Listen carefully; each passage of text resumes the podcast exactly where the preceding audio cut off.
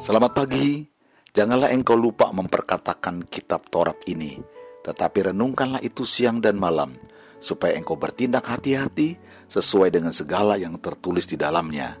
Sebab dengan demikian perjalananmu akan berhasil dan engkau akan beruntung. Mari kita terus dengarkan firman Tuhan dan sukses selalu. Shalom Bapak Ibu yang saya hormati. Judul renungan adalah tergantung sudut pandang. Firman Tuhan dari kitab Yakobus pasal 1 ayat 2 sampai dengan 4. Saudara-saudaraku, anggaplah sebagai suatu kebahagiaan apabila kamu jatuh ke dalam berbagai-bagai pencobaan.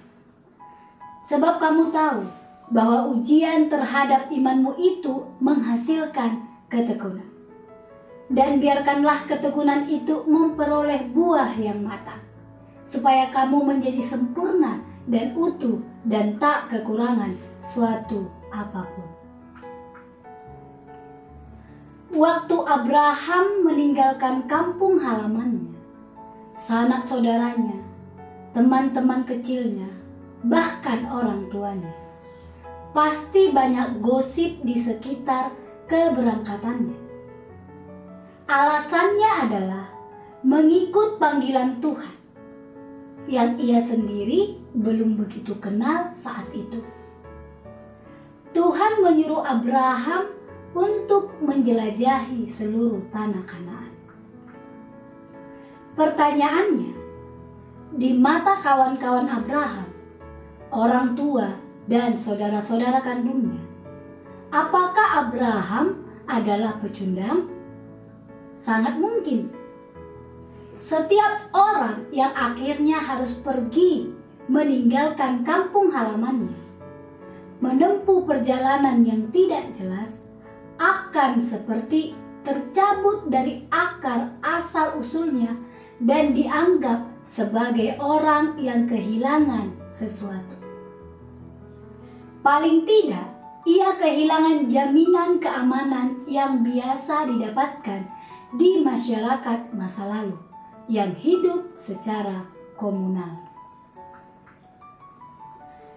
Hanya mereka yang karena keadaan sangat memaksa membuat mereka meninggalkan kumpulan saudara-saudara mereka. Akhirnya menempuh bahaya dengan melakukan perjalanan jauh seperti Abraham. Abraham kehilangan banyak hanya untuk mengikuti panggilan Tuhan. Ketika ia mengambil Hagar, apa pikirannya saat itu? Ia seorang pecundang, bukan? Waktu ia membawa Ishak untuk dipersembahkan, ia sudah benar-benar tidak melawan ide tentang mempersembahkan Ishak anak satu-satunya. Tetapi jika kita melihat kekayaannya, mujizat yang dialaminya, dan janji-janji Tuhan, bahkan sampai saat ini, orang sangat ingin disebut keturunan Abraham. Keyakinannya bahwa Tuhan dapat membangkitkan Ishak sekalipun Ishak sudah mati maka Abraham bukan pecundang. Ia adalah bapa orang percaya. Contoh iman dan keyakinan. Ia adalah pemenang. Tergantung orang melihatnya dari sudut mana dan kapan. Di permulaan perjuangan, seseorang bisa saja disebut pecundang tetapi pada akhirnya orang-orang mengakui dia adalah pemenang. Bagaimana kita memandang dan menilai hidup kita masing-masing saat ini? Gelar apa yang akan kita sandangkan bagi diri kita sendiri? Sebagai pemenang atau pecundang? Memang semua tergantung cara pandang masing-masing orang Tetapi saat ini kita akan mencoba menelaah diri sendiri. Kita layak disebut pemenang atau pecundang. Coba perhatikan. Ketika diperhadapkan dengan berbagai ujian hidup, sanggupkah kita memenangkan ujian tersebut? Jika diperhadapkan dengan dosa, sanggupkah kita berkata tidak dan akhirnya keluar sebagai pemenang?